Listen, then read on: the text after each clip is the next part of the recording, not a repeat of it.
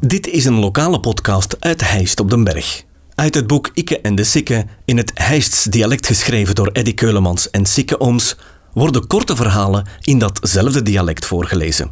Dit vertelselke werd ingesproken door Eddy Keulemans.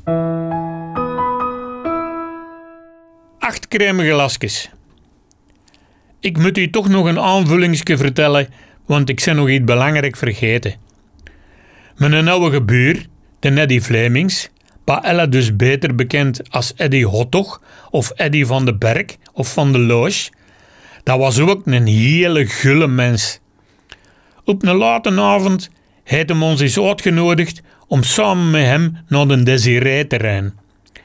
Dat was dat café Taverneke op de Balderha, recht tegenover het café van het Zangereske. Wie redt er mee? Ik heb wel allemaal vraag, riep de Neddy.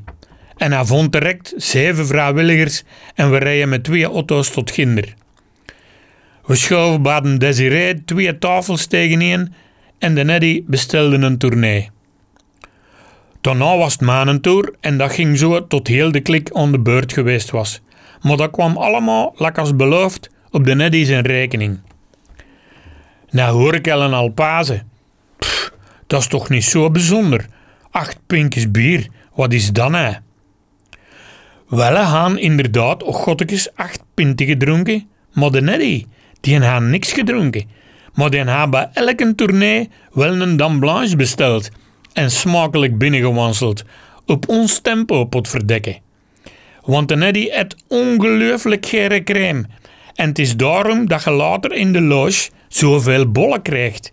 Want vond, terecht, dat je met zo'n draaklaan bolletjes niet genoeg kost hebben.